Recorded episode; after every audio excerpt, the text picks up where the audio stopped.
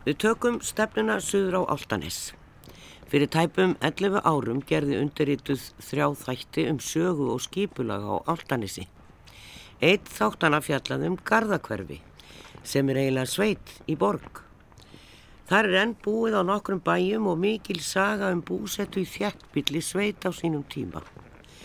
Nú hefur Garðabær enn staðfest áætlun um að halda í þennan sérkynlega stað í borgarlandinu en samt að leifa uppbyggingu með skilirðum.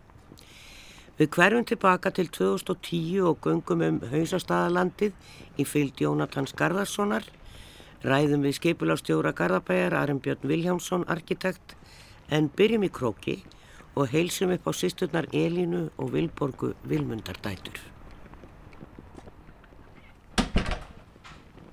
Já, við erum komið hér í lítinn bæ sem heitir Krókur og í dag er þetta hús notað sem eh, gesta vinnustofa fyrir rítöfunda og myndlistamenn og annar listafólk sem að fær sækjur um hjá Garðabæ og getur fengið viðveru hér.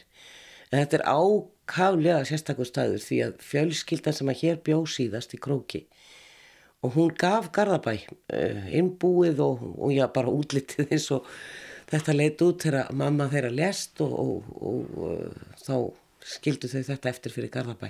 Þetta er árið 1985 held ég. Og með mér eru hér uh, tvær af fjórum sískinum, Elín og Vilborg Vilmundadætur sem að ólust hér upp og gengur hér í skóla á Garðaholtinu og með útsinni hér út um gluggan í þessu litla kvoti þá má nú kannski reyna að lýsa þessu, þetta kannski minnir einna helst á eitt af húsunum upp í Árbæðashafni. Þetta eru tvö lítil herbergi og við sitjum í starfstofunni og hérna er gamli skápurinn og í honum er kristall og bollastell og húsgögn og annað sem að þær áttu þegar það voru litla stelpur og, og, og mamma átti.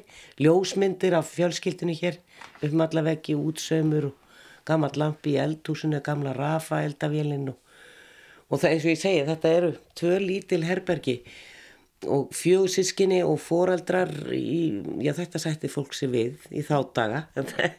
Ég rættum að og amma líka. Þetta, þetta, það verið hér sjö manns alla jafna í húsinu. Viðrún Sveinsdóttir var amma okkar.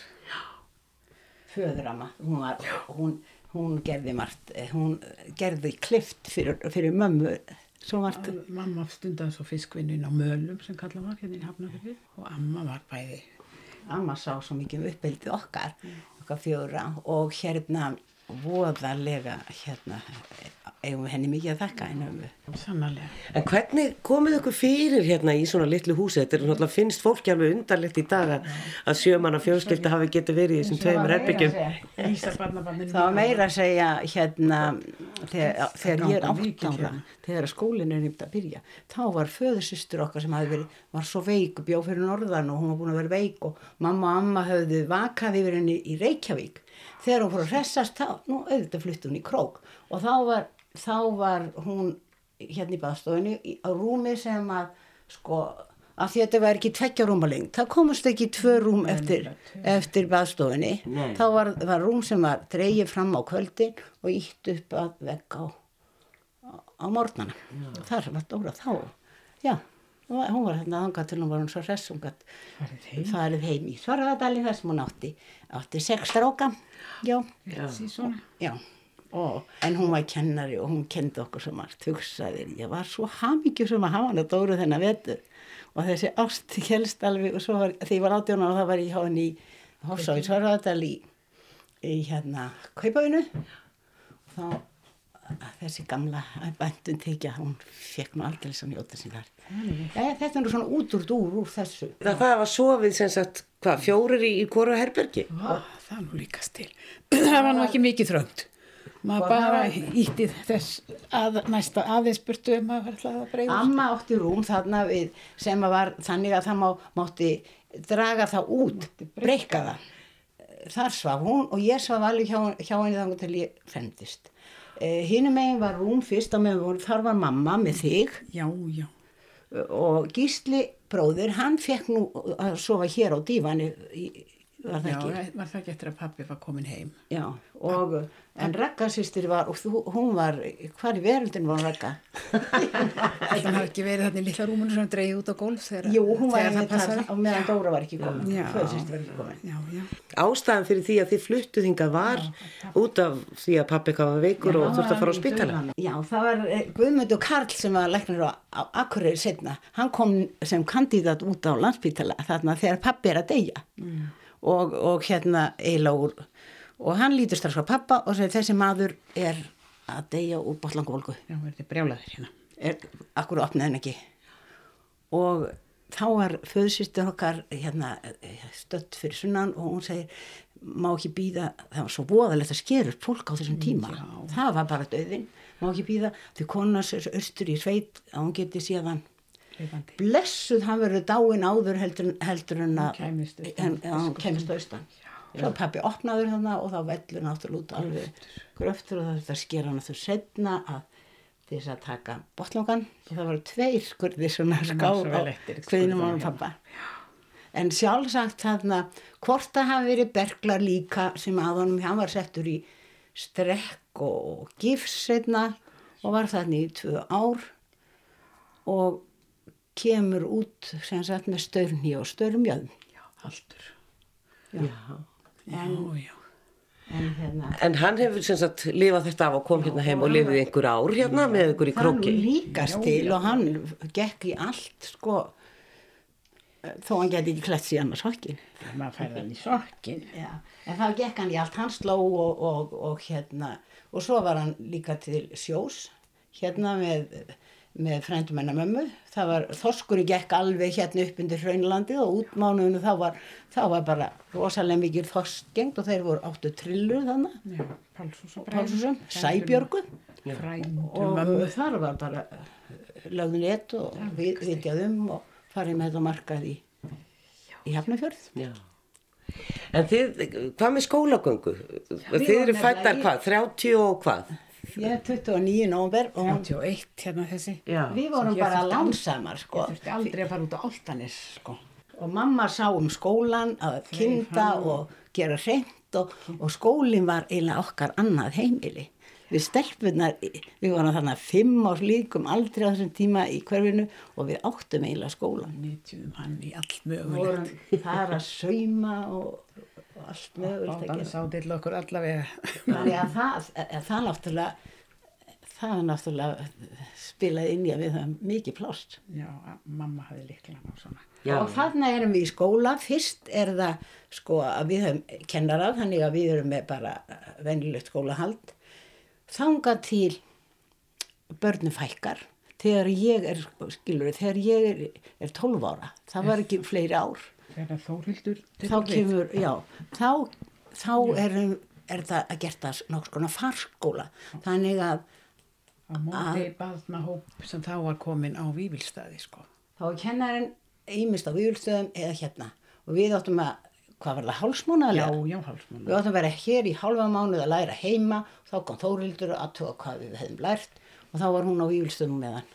Þetta var fyrsta, eh, síðasta ára sem ég er í barnaskóla. Þá er farkensla hérna og það var í nokkur ár. Þanga til að þurfti að leggja skólahaldi niður af því að krakkar voru svo fáir. En fóruðu eitthvað meir í skóla en það eftir það? Það var nú lánið okkar að eiga heima þannig að við, við það var nú ekkit smálegt sem Frá Flensborg, eins og börnin í dag. Flensborg var skóli með stóru effi. Það var engi með gagfráfi þegar við vorum litla nema hrefstjórin hérna. Hann var gagfræðingur, hann Guðmar Magnússon og Dísjó. En við, ef við gáttum hjólað, þá fórum við í Flensborg. Og það var, það var sko bara alveg æðislegt. Það var líkast til. Maður var nú skýtfeimin, því að maður var nú hérna úr fámenninu, en allt bjargaðist þetta nú. En í dag hitti maður skólafélaga sem voru sama bekk og það er alltaf svona kátína undir niðri og gaman. Já. En eh, eins og svo mörgum öðrum stöðum eh, á Íslandi bara á stríðsáránum að því að þið eru bara stelpur, þá eru herbrakkar hérna á Nú, svæðinu. það er nú kannski gaman fyrir því að heyra svolítið garðakverfi breytur um svip. Það eruðu endaskipti í garðakverfinu 19. mæ 1940.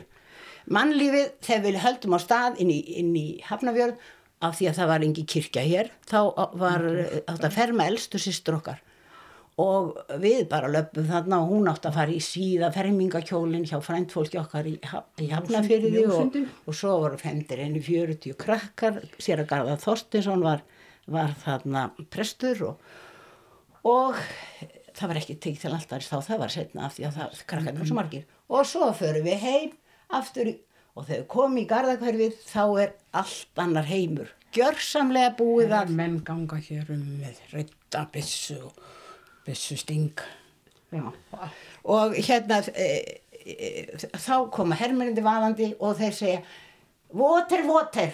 Þá mannstu þetta þá sagði einn kona Guð almáttur, hvað eru mennutan að segja kallið á hefstjóran, hann kann hann getur tala við á og hann málið svolítið. Og, og hann hefstjóran kom verður lögur og hann vissi að voter, hvað voter var. Og hann vísar þeim með dröllugu brúsana sína niður í einu lindina hérna fyrir neðan, garðalindina Mér hefur verið sagt að hér hafi verið sagt, skorskir hermenn og þeir, þeir hafi verið með sekjapípur og... Já, já, og svo voru kanadískir hérna fyrir neðan, þeir, uh, skorskir voru hérna, hérna upp á holdinu og þar voru sett að mm. þýkjast, bæður, það voru alvöru loftvarnabissur mm. og líka þýkjast á þarna velveliðið, það voru bara spýtur sem voru reistar hann upp og líkt. Já, svo voru fallbissur hérna á móti á, á hvalurinni og þegar að þísku flugvelina komu já. þá var þetta ægilegu djöfulgangur. þá nokksinn sem að já, já, og þá var mikill djöfulgangur hér. En Kvotir hérna hristist sko. Og Emma satt á sínum stað. En þarna kom náttúrulega, var það allt annar heimur. Það var olgandi vinna, byggja, bragga, það var allt holdi hérna fyrir ofan fyrir ofan samkomúsið og, og það, þar voru byggði braggar. Allir sem gáttu haldið á hamrið þeir voru orðnir smiðir eða fúskara og fenguð 35 krónar á dag. Já. og svo náttúrulega til þess að græða á hermónum þá var, þá var byggður hérna e, sjoppa. sjoppa hérna verið neðan skólan og hún, þar voru e, seld, fish and chips yes. og hermónum komið þannig á kvöldin og, og hérna pappi sem var, hafiði nú var nú eins og nættilega í samfunnaskólan en það var ekki úr því að því að, að misti föður sinn. Hann fór að skafa spænskranna venskunni sinni og, og og eh, hérna eiga viðskipti fyrir herrmennina, fekk matalega frá þeim og seldi þeim ekki í staðinn. Matalega verið í hænsni sko, það þið hafa náttúrulega verið með eitthvað búskap hérna, já, já. það er lítið út úr hérna Jú, það, það voru hérna eh, reynd að hafa þrjár kýr í fjósinu, það var pláss þrýr básar í fjósinu. En það var eiginlega Svo þriðja vildi alltaf hverfa. Já, það, það var eiginlega talið við maður að fara að trúa því að það væri álög á fjósinu að það gætu aldrei verið þar nema tvær kýr. Þriðja kýrin væri alltaf mislukkaðist einhvern veginn. Tvær kýr að austan kjarnoltna sem við áttum líf. Já, var... fyrsta líf. Já. Já, en svo voru nokkra kindur. E, pabbi var með nokkra kindur. Jú, jú, jú, og við elskum þær alveg út á lífinu. Ég skrifa rítgerður um þær þess að þrjár sem pappa átti fyrst. Já, og fjölgaði nú svolítið. Já. Og, var, og svo voru náttúrulega fyrst voru bara nokkrar íslenskar hænur. Já, já. skrauðlegar fínar einn sem fórum austans í Holtakota hæna sem alltaf vildi líka á og komið marga unga á, á hverju ári. Það væri gaman að segja þetta. Já. samskipti við hermjörnuna þau voru vilja tríðsaleg en þá bara það við að nokkrar hænur lendi í klónum og hermjörnunum það var í manni þegar stóli fyrir jólin það lendi í jólasteik hjá officerónum það að fá sér kjóklingi held ég. Já, alltaf ekki verið bara þjóðarsiður þeirra. Og þeir sóktust mjög eftir því að komast í kunnirkap þeir leittist náttúrulega strákon þessum, þetta voru margir ungir líka enskir strákon leittist og þeir vildu koma, koma fannst það fróðulegt að koma í kotið hérna Já, Já. Og, og hérna ég man eftir fyrst þegar amma, hugsið ykkur þegar amma eftir, fer, eftir fermíkuvesluna sem var nú þannig 19. mæ Já. þegar hún um, kvöldi lítur út um eldurskulgan sér mann ganga þá voru búin að taka skólan og reysa tjöld í skólalóðinni og, og svo þrammaði þarna hermaður með bissu og bissu sting fram og aftur fyrir ofan hlýðið heima. Og amma horfa á þessi undur. Alvarleg, alvarleg svo, þá. svo man ég eftir þegar eitt satt grátand á steini þannig fyrir ofanni mm. og amma segir skelving hefur hann fengið slæma fléttir. Óskup á hann drengurinn bátti þetta voru margir ungir strákar. Já. Svo fóruð þeir yfir margir til Afríku þarna eftir töluna hér og lendu í, í Rommel þarna, eðimerkur hernaðinu breytið er það niður. Jæja, Já. þetta var nú það. En veröldi var aldrei sögum eftir þetta og einu á nokkrum klukkutímum hvernig þetta breytist. Já, þetta vandist svo lesa Já, það var nú samt, sýsti mín sko elsta sem var nú, hún fór í, í Flensborg þetta, þetta haust. Já. Hún var með skæri í veskinu. Það, það, það var einhver sem, að, sem ætlaði eitthvað og, en hún vildi ekki segja frá því því þá fannst enna frelsi sitt væri við urðum að fara þarna á milli já. og ganga Mappandi, hvernig sem að upp í Flensborg sko, og komast gegnum það var ekki hægt að breyta brakkana alveg gegnum, já, já. En eru þið hérna uh, sískinin alveg þar til þið farið að heimann og giftar eða, eða hvernig, hvernig var það? Já, við sko eldri sískin okkar fóru alltaf á sömurinn í östur í biskustungum því að þau voru þau voru orðin það sko. Rakkarsýstir hefur verið líklega 8 ára þau flytjum og gíslibróður á, á 7 ára þau voru alltaf fyrir austan þarna á sömurinn en við vorum hér, ég var hérna frá tíu ára aldrei þá var ég að fóstra börn hérna og, og við til skiptis Já, á tísjum föðursýstir einar hún er uppiltið sýstir pappa sem að giftist trefstjórunum og, og bönnir urðu mörg og sýstra börn já, já, já.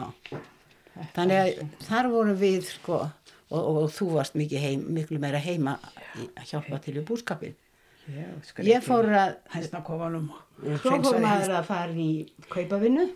Já, ég fór norður í Svarvadal og austur, austur í, í hérna Hrunamannarhepp og þú varst þú Vilborg, fórst þú líka? ég var nú heimakær hér og fannst ég hefði heilmikið ennbætti hérna. Pappi, svona var ekki alltaf mjög frískur og það var aldrei átaka að hafa sig að heiman en ég fór austur í hrepp strykur öf þar sem Ella var búin að vera eitt sumar og, og, og já, segja manni sögur af fólkinu og það var náttúrulega indislegt að vera þar. En það var líka heilmikið að gera heima sko þegar þú, þú verður heima.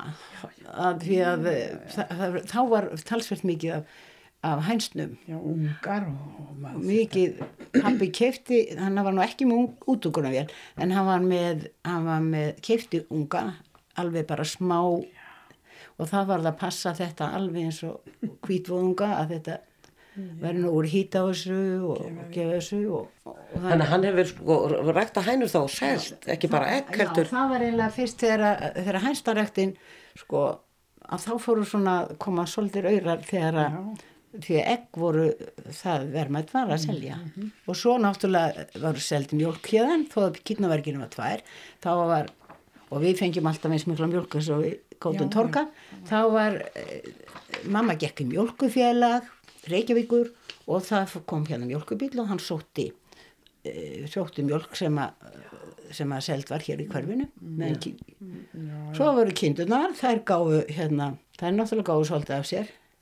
En skelvið voru þær fordegraðar þær tóldu bara aldrei afrétti þær við vonum standi yfir þeim kannski hérna í hól hlaupin í kringum þær. Já. en mikið elskaði ég þar en það var engin starfsvettvangu fyrir okkur hér. Nei. við vorum sko já, þetta var svo lítið að við heldum áfram í námi þegar strax sem maður gæti ungla saman fyrir einhverju og fyrst var það náttúrulega dýrmætt að geta loki gagfræðprófi Flensborg með íslensku, íslensku kennar var doktor í íslensku og, og, og hann held utan á hvernig nefnda eins og bara eins og hann passaði að fengi hvað mikið úr hann sem hægt var. Og þegar því var lokið þá voru svömmir sem, sem að yfirleitt fóru allir eitt hvað að vinna. Margir fóru í Hafnafjörði búð eða í Reykjavík mm. uh, og, og hérna þannig að það var engin starfsvettvangur sko. Og ég fyrir að hérna vinn eitt ári í búði í Hafnafyrði, þú varst líka í búði í réttum það. Og eftir það er ég alveg ákveðin því að fannst ég vera svíkja hérna þessu og það fannst ég líka. Mm. Nefndun uh, allt svo kennarinn á Flensborg að reyni ekki að læra svolítið meira. Og fór það að læra meira? Já, já, já. Ég fór að basla við að eignast ykkur auðra til þess að geta verið í Herbergi í Reykjavík og farið að halda áfram. Já. Og hvað lærið þú Vilborg? Já, við fórum núst í kennaraskólan hérna. Ég, ég fór fyrst í hérna þegar, þegar ég fyrir að tala við Freystein Gunnarsson í hérna skólastjóru kennarskólans þá segir hann og hann fekk að sjó einhvernar og með svona góður einhvernur og það var Flensborg því Flensborg var sko það er gott ríkti ef maður segir nú góð, tala góða íslensku. Þú siglir upp í þrýjabekk en það er bara á þrönd þar núna. Það, það er ekki pláss í, í, með höstu og vildi ekki prófa að kenna út á landi? Mm. nema hvað. Því lík vill þess að Hva, hvað varstu komið þá? þá er ég á átjánd árunu og ég fer bara fer upp í Borgátt og kenni þar tveim sveitum og tveimur síslum hálsarsveit og hítarsíð og er þar, er þar skóla árið og um vorið tók ég próf kennarprófum sem þurfti út úr, út úr öðrum bekk og upp í þriða bekk og byrjaði þar um höstið mm. og útskrifast 1950 já, og þú ferði aftur í handa já það var, setna var ég ekki. setna, og þú útskrifast 53 það handaði flott. Handafinni kennari? Já, já, fyrst og mest og hafið þið starfað við það kennslu allar tíð, báða tvær? Ég átti nú sjómann svo ég var nú daldið skorðuð heima lengi vel, en svo þegar einstabarni var fimm ára þá sem það nú annarkort núna ekki sko taka stöðu. Ekki rétt hjá mér? Jú, þú varst aðgæðlega döguleg og svo þetta svona svo er 25 ár kendi upp í fellaskóli bregðaldi En þú, hvað kendi þú? Ég, ég fór þannig eftir, eftir útskóru þá fór ég og kendi eitt ár í löganissi þar var fullt af ægilega fínum strákum. Og ég já, já, ég sagði stundum að já, já, við skulum ekki tala um það. Já, já, og, og svo var eh, langkválskólinn byggður því að þetta var að springa löganisskólinn, það var allt og það var kent þar frá átta til fram að minnatni næstu mm. og þá flytjast yngstu kennarannir í langkvöldsskóluna þar var ég takk í 44 ár. Rétt í svona.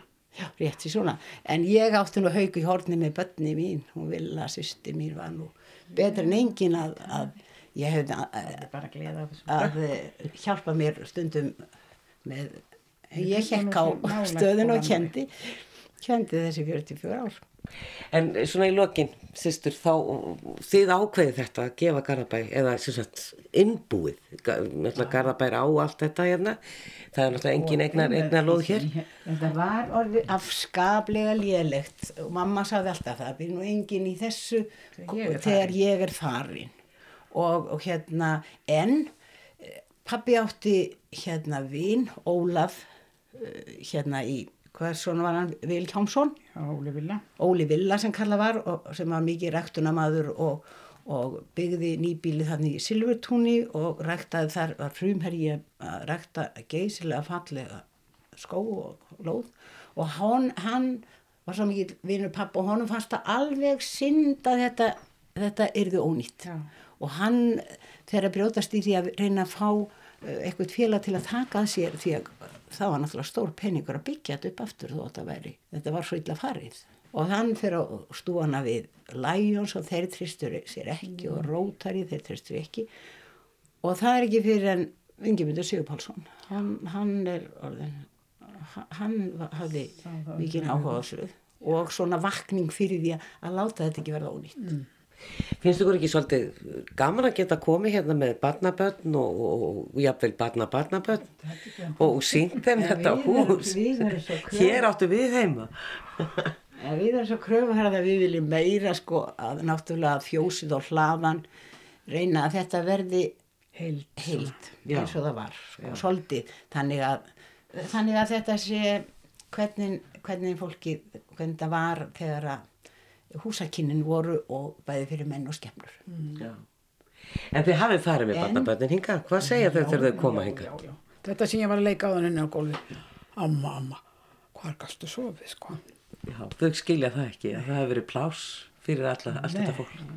Allt sem hafa sérherbyggi núna mörgur það En við erum, ég segi það ég er við, og pappi sagði það. Hann sagði, þrátt fyrir mín veikindi þá grættu þið nú á þessu. Já, það hefði, hefði verið drefun úr þrældómustur í biskustungum það var kjarnald þess að fættust það var engjanar, blöytar og erfiðar mm. og er, mjög erfið jörð. En gísli af okkar hann honum búnaðist vel þarna en enga síður. Mm. og mömmu litist þarna alltaf. Hún það var miklu betra fyrir hann að koma hérna að sjá á síðunni Hér átt hún heiman í raun og veru sko. Já, já. En þetta er náttúrulega eindislegu staður eins og degi eins og þessum þessum sólinn skín og maður sér hér út. já. Og við hefum ekki komist það við hefum, það var engin Flensborg þannig fyrir austan, það orða að kaup kannski komist að laugavatni einhvern tímann eftir dúk á disk eða það. Þannig að við erum afskaplega gladar og þakkláttar að hafa alveg upp hérna. Og það var svo mikið samkend með þetta stutt á milli bæja að, þannig að ef einhver var sorgmóti þá voru allir það og ef allir var einhver gladur þá var glad og fyrsta morgunni sem við erum hérna kemur ekki hún haldur á nýja bæ með grjónagraut í potti og rúbröð af því hún vissi að mamma var ekki, var ekki búið að flytja eldavélina nei, nei. Og, og hérna já Svona var hlýjan á milli. Já. Og þið það er náttúrulega þekkt alla hérna og er, er, er þekkið þið ennþá og er þið einhverju samband við fólk sem að, sem að hér bjóða á ykkar reggi? Það er bara svo úrskaplega. Sko. Það er nú bara eins og sískin okkar til dæmis og strákanir og görðum. Það var, það, það sko, Yngri Sjónu Guðmynda var, var nú bara hérna eins og bróður okkar því að mamma, mamma stóð þegar hann var tökjar á. Ég hef oft sagt við mína krekka þegar hann komið í litla koti en það var alltaf plásvar alltaf og höst, voru höst þá voru já, árneysingar austan úr biskustungum áttu erindi Hálbreiður ömmu. Já, lessu verstu, það var alltaf hægt að láta gista, við vorum þá bara að láta ná teppi hérna á eldurskólfi raða svona eins og fisk á. Þartur eru í dós. Svo við flatsang, það var ekkert mál. Nei, nei. en ég er ennþá að það máði hvernig það var þegar hún amma var áttræð hérna, hún amma lifiði já, já. og þú fórst á balvestur áltanis, þá þurftur þú ekki að sofa Jú, ég þurfti að koma heim og sofa Já, skreið... það var komið morgun. Nei, þrjú, fjóð En það var svo mikið að gestum og... Ég skreið onni hjá ykkur flatsengina hérna á eldurskólfinu, Svenna föðsistir Það var bara allt búið að sengu og Ég tróð mér þar bara onni Við vorum eitthvað með einhver fattaræflón á okkur já, já. Það var bæði gestin Norðan og Sarvadal og það var fullt af gestum við svona tungum Skil. og þarna var bara fíninda veistla bæði matur og svo voðalega gaman. Sungi mikið. Og söngum eins og ég réttum í tungunum. Já það er margt, margt sem minnast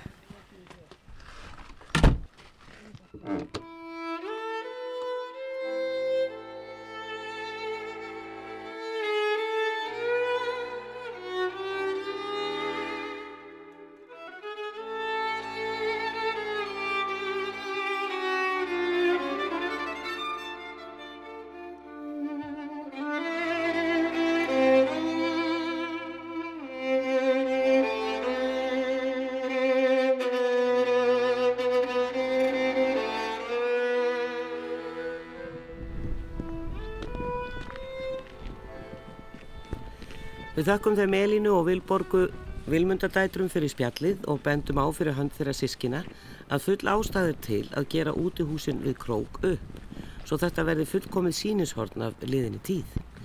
Þar sem fólk virtist hafa annað geðlag í dag. Þar sem allir verða að hafa sitt prívat.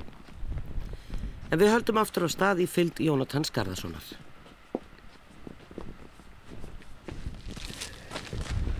Við erum komin hérna aðeins vestar á Áltanesið og í Garðakvarfi og hér í kringum okkur er hold og hlýð sem er nú allt sérstök. Það er allt fullt af gamlum strætóum og, og flutningabílum og oljubílum og ég veit ekki hvað, gámar og, og það er reynilega bara girt. Það er ekki allast þið sem að komið hana niður að þessum bæ en, e, og, og bara lokað. En það er reyndið að loka hlið hér líka að grjóti en það er smá gat hér á grindverkinu sem við getum verið allt í gegn. En hér er nú alveg ákvæmlega fallit að horfa yfir, hérna komum við að þessari tjörn sem heitir Skóatjörn, er það ekki? Skótjörn. Skótjörn. Og, og sér hér út á Hliðsnes og Það er annað hús hérna fyrir neðan okkur, hérna blátt, hvað, hvað, hvað bærir það? Þetta er Katrínakott. Það var þrýbíli hérna, það voru tvö hausastæðahús og svo var gamla Katrínakotts húsi, það var byggt úr steini og, og með svona torfi inni. Það er búið að rýfa það, það er búið að rýfa hausastæðina báða. Og svo erum við að koma hérna niður að bæjarhólunum hjá hausastæðakotinu. Þar eru nokkuð myndalega tóftir og svo hérna til vinstri þá sérst í móakottið og við erum við bæinn grjóta. Og eins og sér að það var nú ekki mikið tún hérna í kringu grjóta, þetta er alveg grjót en hér er svo sem uh, mjög merkilegur staði vegna það voru kotjur út um allt og það er eitt nýbíli hérna fyrir neðan, Breiðholt sem er úr Hausastadaland Hausastadaland var gríðalega stórt. Þetta var þingstaður til forna. Og hér hétt áður Hausastada þing þar að segja Garðaholtið og Garðakverfið hétt Hausastada þing og þá var talað um Hausastada þinghá eins og gert það til forna. Og hér voru kót og bíli alveg út um allt. Hérna ölliti lengra rétt við hlýð þar var bær sem hétt Sjáagata eða Gata. Og þar er núna Kálgarður, heitir Götugerði. Það voru tveir hlýðabæir og Eistribærin er nú farinn. Þar eru, eða voru lengi fjárhús. Mér syns þau eru búið að rýfa þau. Miðengir hérna verið neðan, það er ennþá búið. Það er einstaklingur sem býr þar hann er einstæðingur og er með stjæfnur og það, þangað hefur sjómarpi lita gerna þegar að fara að taka myndir upp í sveit þá er það eiginlega alltaf teknað þarna Það eru útihús þar sem eru orðin svolítið hrörleg og, og bærin lítill og, og svona húsið orðið svolítið sliti líka. Já, það er gammalt skúr sem var fluttur hérna sunnan úr höfnum á sínum tíma og er, já, hann var fyrir 30 ára var rúmlega 100 ára þannig að hann var 130 ára eða kannski 150 ára gammal, það veit enginn hvað hann er gammal. Það var presturinn hérna, Jens Pálsson sem tók hann með sér hann fann, fann hann þannig að tók hann þegar hann flutti. Hann var hérna prestur hérna fyrir sunnan.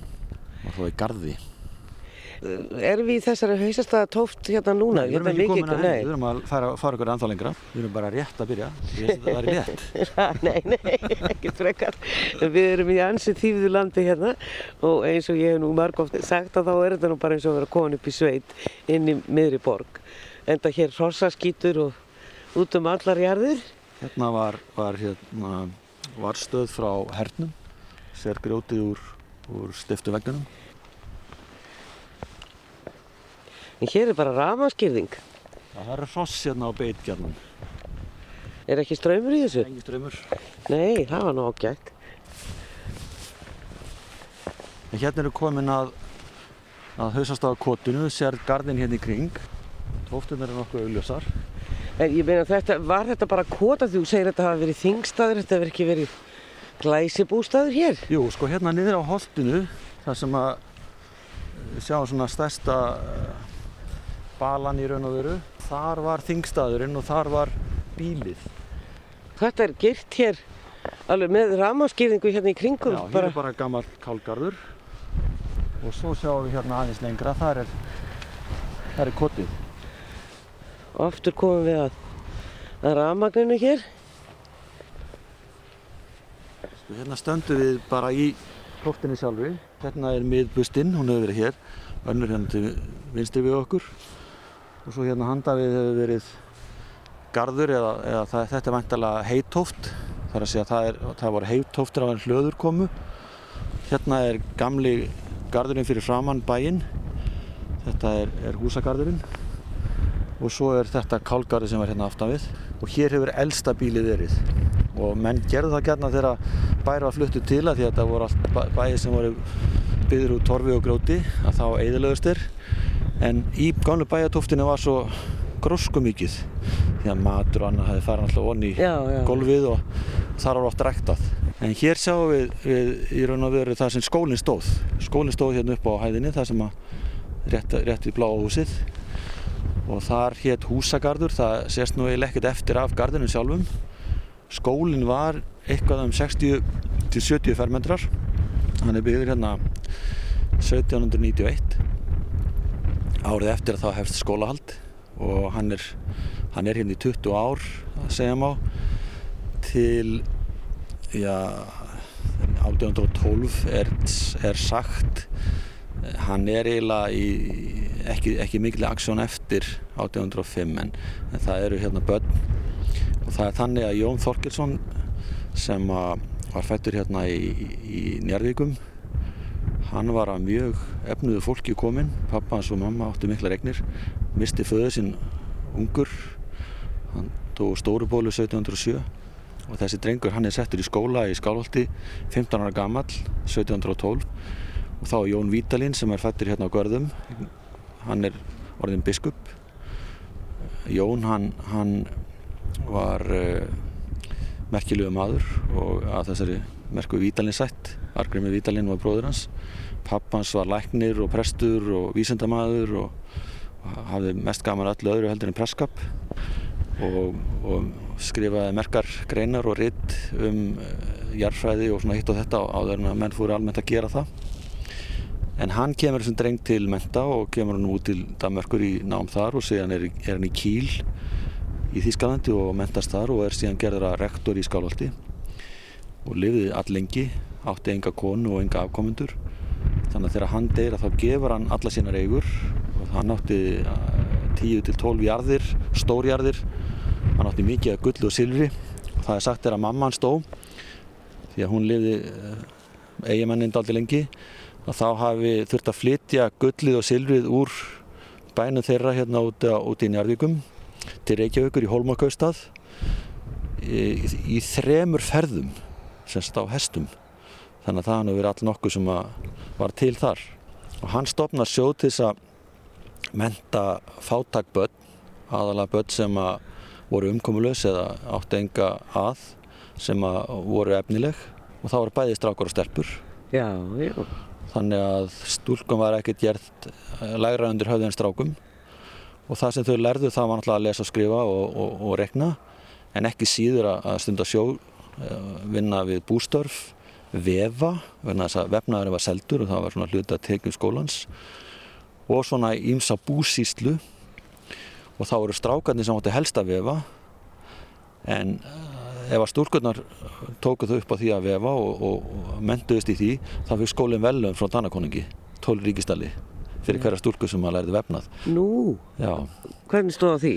maður er einhvern veginn haldið þetta að væri öðvöld Já þetta var vegna þess að það átti að, að hérna, gera herra, stúlkum herra undir höfði heldur en gert hafi verið. Og þau voru strax farin að reyna á jafnbretti þannig á þessum tíma? Já, ég held að jafnbretti sé bara eitthvað sem kemur alltaf upp allstað þar sem eru mentaðir og, og, og vel hugsandi einstaklingar við stjórnvölinn þá reynaði menna að jafna hlut kals og konu en svo lendu við alltaf í því að missa þetta úr höndarum á okkur Hvað eftir hana? Já En þessi sjóður hann varði eiginlega engu þegar danska ríkið fór á hausinn 1813. Þessi, þetta hann var geimtur í, í Danmörku en, en jarðar, jarðareiknindar náttúrulega voru ennþá til staðar hérna heima. En síðastir í vissi var sjóðurinn eitthvað bara 200-300 krónur. Hann er ennþá til. Hann er ennþá til. Torkil í sjóðurinn. Og er eitthvað nýtt úr honum eða er hann bara látið að vaksa eitthvað svona hægt? Það síðasta sem hann nota var að setja bautastein hérna niður við, hérna niður við tjörnina Ég ætlaði einmitt að spyrja um hann, um að það er þetta minnisverki við þennan veg. Já, um skólan.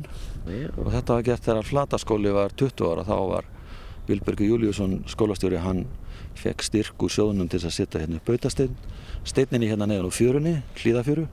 En svo sérst hérna garðurinn hérna í kringum, kringum hausastæðina sjálfa. En við erum inn í hausastæðatúninu og Breitholt er efst í því túnni. Það er nýtt hús hérna fyrir neðan. Já, frekar nýlegt. Það er svona já. frá, hvað, kringum 1960 eitthvað svo leiðis. Svo er hérna gamla leiðin yfir vógin hérna. Það var svo mýrlend hérna. Það þurfti að fara hérna. Það er hlaðin upp hérna brú sem sést hérna. Og þetta er gamla göngulegin hérna yfir að bestastöðum. Tjörnin hérna fyrir innan, það er hausastæðatjörn, eða líka kvölda álatjörn og fyrir utan er skótjörnin. En er búið hér í Katrínakoti? Veistu Já, það? Já, hér eru feðga sem búið hér. Sko hérna rétt fyrir neðan er tóft af, af lítilli þurrabúð sem að hétt Köldukinn sjáum hún ekki í hana en hún er hérna nokkuð auðljóst þegar maður kerir hérna hennan veg og uh, sá sem bjóð þar hann var það með bát skektu sem hann sildi hérna út eftir og hérna fyrir neðan var lending þannig að, og svo var lending hérna út á, út á kampinum hérna, út á hausastagakampi eða hausastagagarði Svo er skerjagarður sem gengur hérna út sem við sjáum ekki núna þegar það er tölvögt flóð sem er gríðalega mikill. Og það tók 15 mínútur að sigla úr vörinni róa sem sagt út fyrir skerjagarðin og þá gáttum við stemt á miðin. Hvernig líst þér á það Jónatan að þessu verði bara haldið svona? Já kannski eins og ég segi það verður eitthvað skipulagt og kannski ekki alveg eins svona mikið sveitalegt ég veit ekki hvað er alltaf að gera þetta fínt með gungustígum og eitthvað en að hér verði búskapur og rægt og hér fái fólk bara að búa í þessu umhverfi áfram. Við líst bara bísna vel á það. Þetta er mjög sjarmirandi umhverfi og það er gaman að halda í eitthvað eins og þetta svona nálagt byggð. Það er nú bara þannig að borgarbúa þeir fara ekkert oft út í sveit og ef þeir fara út í sveit þá er þeir svo skítrættið við alltaf þú er ekki að fara upp á bæjum og banka upp á. Þeir guð ekki og glugga lengur eins og við gerum en daginn þannig að mér finnst alveg bara mjög svona skemmtileg og góð hugmynd að halda þessu eins og mögulegt er Og þar með hverju við garda hverfi í dag en okkur er þó ekki öllum lokið því að við ætlum að heilsa upp á skipulags yfirvöldi Garðabæ. Segja má að hugafarsbreyting hafa orðið hjá garbaðingum þegar IKEA reysi í flatarunni fyrir tæpum fimm árum síðan. Þeim leist bara alls ekkert á blikuna. Og þó svo að byggingalandi í Garðakverfi sé verðmætt, urðu sjóna með lífsgæða ofan.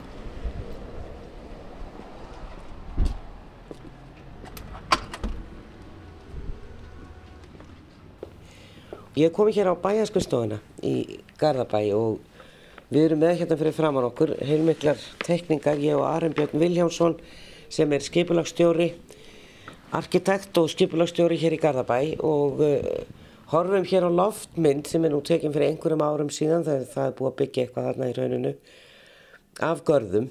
Og uh, þetta eru svona cirka 20 hús og svo sér maður túninn og kirkjuna og, og svona það sem að þarna er. Og það, eins og fram hefur komið þá er nú heilmikið að bæðin sem eru farnir, eh, verið ripnir og, og hafa bara sem sagt hrunið eða brunnið eða eitthvað á, á leiðinni. En það var jú bæling að, að byggja þarna fyrir einhverjum árum síðan og uh, bara hrífa þetta hreinlega allt saman. Um, þetta sagði Pétur Einarsson rennismiður í síðasta þætti okkur frá að uh, hann býr á nýja bæja á svona konu sinni Ragnæði Jónsdóttur og þeirra hús áttu meðal annars að fara undir veg Þetta er það sem stóð til hér fyrir nokkrum árum síðan en einhverja breyttar hugmyndir en fyrst það hefur náttúrulega verið heilmikið vinna lögð í það skipulag.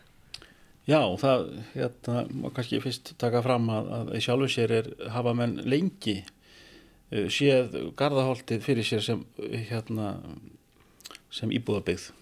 En það er hér um eitthvað allra besta byggingaland og höfuborgarsvæðinu óbyggt í dag Eh, fyrir aðalskipila sá allan að gerður áð fyrir því og uh, síðan var það hér upp úr aldamótonum uh, að, að það var áðist í það að vinna svo kallar rammaskipulag fyrir, fyrir þetta svæði á grundvelli þess aðalskipula sem að þá var sem var samþitt 1995 og, uh, og það er það sem við höfum nú hérna fyrir fram á nokkur þetta ágæta rammaskipulag sem var í sjálf og sér vel unnið en hafi svona það markmiði að, að, að vinna þetta svæði allt saman undir íbóðbyggð og svo gerist það í þessari vinnu að það er farið sem er náttúrulega sjálfsagt að gera þegar maður vinna svona skipilega sáallanir að, að menn, og það var bæjarsveit Garðabæjar sem ákvað það að ráðast í forlefa skráningu sem að Ragnhildur Traustóttir og, og Rúna Knútsdóttir tekstnir unnu hér á þessum tíma, þetta, að, þetta er 2001-2002 sem þetta er unnið og, og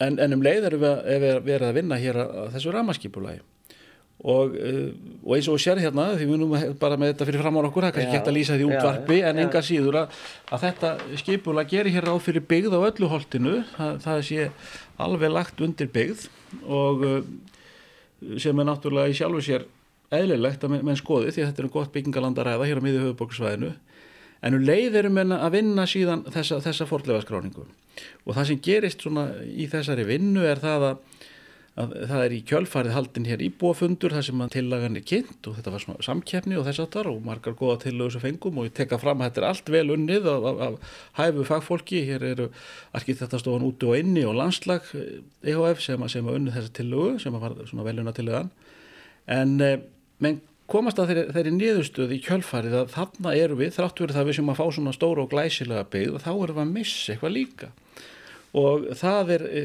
þetta gardakverfi eins og við þekkjum það í dag. Og það má segja svona í kjölfarið á þessari, þessari hérna, vinnu og þá verður svona viðhórsbreyting hjá hérna, bæjabúum og einni hjá bæjastjórninni hér. Og, um, og stundum er nefnilega ágætt að, að leggja fram einhverja svona áallanir, kannski til þess að átta sig á því svona hvað maður svona í rauninni vil gera. Og um, og þannig var það með þessa, þessa forlegaskráningu þannig eru skráðar, sko bara í Garðakverfinu eru yfir 250 uh, hérna, skráðar for, forlegar, þessi skráning náði líka til Garðalansins, þar að segja alveg út í Galgarhraun og, og viðar og, og hérna, þannig að megin niðurstaðan í þessari, þessari skoðun var svo að Garðakverfið sem slíkt sem, sem ein heil er mikil svirði og þetta eru svona síðasta dæmið um svona þéttbíli hérna eins og það var hér á öldum áður á, hérna hér á höfðbókasvæðinu eða innesjum eins og þetta var kallað þetta voru innesjamenn, yeah. útnesjamenn voru sögum sjó. Í kjölferð á því að þá hefur verið ákveði núna að vinna deiliskipulag að gardakverfinu sem nær engungu til hverfisins þar að segja fyrir, fyrir vestan og, og sunnan gardavegin en það er enda líka til, til grænagar sem er, sem er hérna skórættin á háholtinu að vinna þar deiliskipula sem hefur það markmiði að varðveita hverfið í þessari mynd sem við þekkjum það í dag. Hugsanlegt er að það verði einhverja nýbyggingar hann inn á svæðinu en, en það er bara allt í skoðu núna, þetta er allt í mótun en það er þá bara uh, með það markmiði að varðveita byggðina og, og með sko, virðingu og umhyggju fyrir þessar, þessu hverfi sem er hérna fyrir sem að ég held að margir séu ánæði með það er gott að koma hann út af styr en svo ég lýsi nú kannski þessari pælingur sem að var hér aðeins fyrir hlustendum því að uh, þetta er byggt svona í ring, það er svona miðja og þar var uh, íbúðu fyrir aldrað og hjúgrunarheimili og, og um með það sem að grænigarður var er, þar er gert ráð fyrir bæjargarði. Félagsheimið er náttúrulega farið og öll þau hús sem að þarna voru nefna kirkjan og kirkjugarðurinn stendur enn og uh, hér niður frá þar sem við fórum í Nýjabæ og þar sem að Pálshús eru og Dísjar þar var gert ráð fyrir Íþróttahúsi og Íþróttarsvæði það eru þrýr skólar og þrýr leikskólar og meðal annars uh, eitt skóli og leikskóli bara gengt bestastöðum og það hefði verið byggð þar alveg hinum með við veginn. Svona byggt í þing, raðhús, blokkir og, og, og einbillishús. Þetta er ákvæmlega fallit skipulag en þarna hefði ímislegt horfið og einmitt þetta sem við vorum að tala um. Þessi gamli tími sem einhvern veginn lifir þarna ennþá. Já, sko, menn alltaf í þessu skipulagi þá vorum við alltaf að gefa sér það að, að þetta er allt tekið undir byggð og, og þetta er hins vegar vöndu vinn og þetta er vöndu landslagsgreining og og fær bara hérna bestu engun fyrir það. En hins vegar náttúrulega þá er, er, er þetta gjör breyta þessu svæði og það er því lítið sínilegt reyndar held ég nú að félagsheimili sjáist nú hérna það er nú ekki alveg horfið já, inn, inn, inn, en enga síður margar þessar hjálegur og annað hugsanlega hefðu við geta látið eitthvað húsónum standa en þá væri búið að, hérna, að rjúa þetta samhengi sem að var í þessari, þessari gömlu byggð sem, sem er svona ævaforn og, og þá hefðu við verið að missa það. Hins vegar að þá náttúrulega eru við e, samt í framhaldi að skoða það að, að verði byggð hérna í, í norðanverðu gardaholti og upp á háholtið og, og en þá munum við vera komin með deiliskypula hérna sem við getum síðan lagað eh, þá nýju byggð að, þannig þetta fallir betur saman og ég, ef, ef að það ekki að, að það munum stór auka sko gæðin í þessari byggð sem kemur hérna á gardaholtun að hafa hérna þetta gamla gardakverfi svona við hliðina sem útvestarsvæði og það er náttúrulega mikið vært í þessu skipulagi sem við erum að vinna núna við erum að líka hugsa um að hafa þetta aðgengilegt fyrir almenning. Það er að segja að það verði göngulegðir hætti í gegn og með frá ströndin og í gegnum hverfið og upp á háholtinu þannig að mann komist leiða sinnar og geti svona notið þessa svæðis og, og vonandi bara í framtíðina einhvers konar búskapur verði viðhaldið. Það er náttúrulega ennþá búskapur. En ég vil taka samt fram að og það sem ég var að segja hérna áðan í sambandi við skipulagið að þetta eru ekki kreppan sem að er að hérna, auðvitað hjálpa það svo sem til núna. Við erum að vinna þetta í róleitum en þessar ákvæðanir voru tegnar fyrir kreppu að gera þessa breyting og það gerist í nýju aðarskipulegi sem var staðfest 2006. En gríðarlega breyting og uh, hefði þetta orðið og, en þið er að hugsa um hér eins og segir norðan megin við mm -hmm. sem að þannig snýr þá að bestastöðum svo fólk átti sig á því hvað við erum að tala um að þar muni vera byggt en þá ekki sunna með. Ég veit að þú ert búin að vera að heimsækja fólkið í Garðakverfi og spjalla við þá sem þarna búa núna. Já, ég hef svona verið að því þessa dagana og hérna og það er nú bæði það að hérna, við viljum gætna greina íbúin svona frá því hvað er að gerast áður en við förum að fara með þetta í formulega kynningu og, og hérna og ég hef nú verið búin að hitta marga en ekki alla en þá en, en hérna ég er líka samhlið að þessu að vinna húsakönnun þar að segja ég er að svona meta varverslu gildi þessara húsa sem eru þarna og, eh, og nota þá tækifæri til að hitta ábúendur. Og það er einni sko, margar upplýsingar sem er mikið vægt fyrir okkur að fá sem við höfum ekki. Til dæmis bara skiptingun á milli hérna túnana og reytana innan gamla tungarsins. Við höfum eiginlega engar upplýsingar um það og, og við erum svona að fiska eftir því að, og það er, hérna er allt í rauninni mjög skarpar línur þar en, en við bara höfum litlar upplýsingar um það. Já. og það hefur verið mjög ánægilegt að fara hérna og bæja flagg og hitta fólk og hérna þetta opnast alveg nýr heimur sem að sko hérna maður gerir sér eiginlega ekkert grein fyrir fyrir maður að fyrir hérna, inn á svæði og drekka kaffi hérna hjá, hjá, hjá bændum, spjalla við bændur. Það er nefnilega svolítið skemmtilegt að því þegar maður kemur hérna í heimsók þá er eins og detta inn í einhvern annan tíma, e, það er ekki sama stressið, það er einhvern veginn, er þessi stemming sem er í sveitum landsins, bara hérna rétt við túnfótin á höfuborgarsvæðinu, að það er svona önnu stemming hjá þessum ábúendum svona róleitt. Það lifir í einhvern veginn í öðru andrúslótti. Já það gerir það og þarna hafa menn búið mannfærum að manni sömur hafa sko, ég segi nú kannski ekki ennþá ég held að er svona enginn sem rær hérna til fiskjar en, en það gerðum við lengi. Ég veit að Áltanes eru, eru einhverjir sem að gera það ennþá og þetta eru svona eru, eru aðila sem að eru búin að vera hérna mannfram á manni og þekkja ennþá gömlu miðin hérna út af flóanum þess að þetta eru svona síðustu innesja menninir.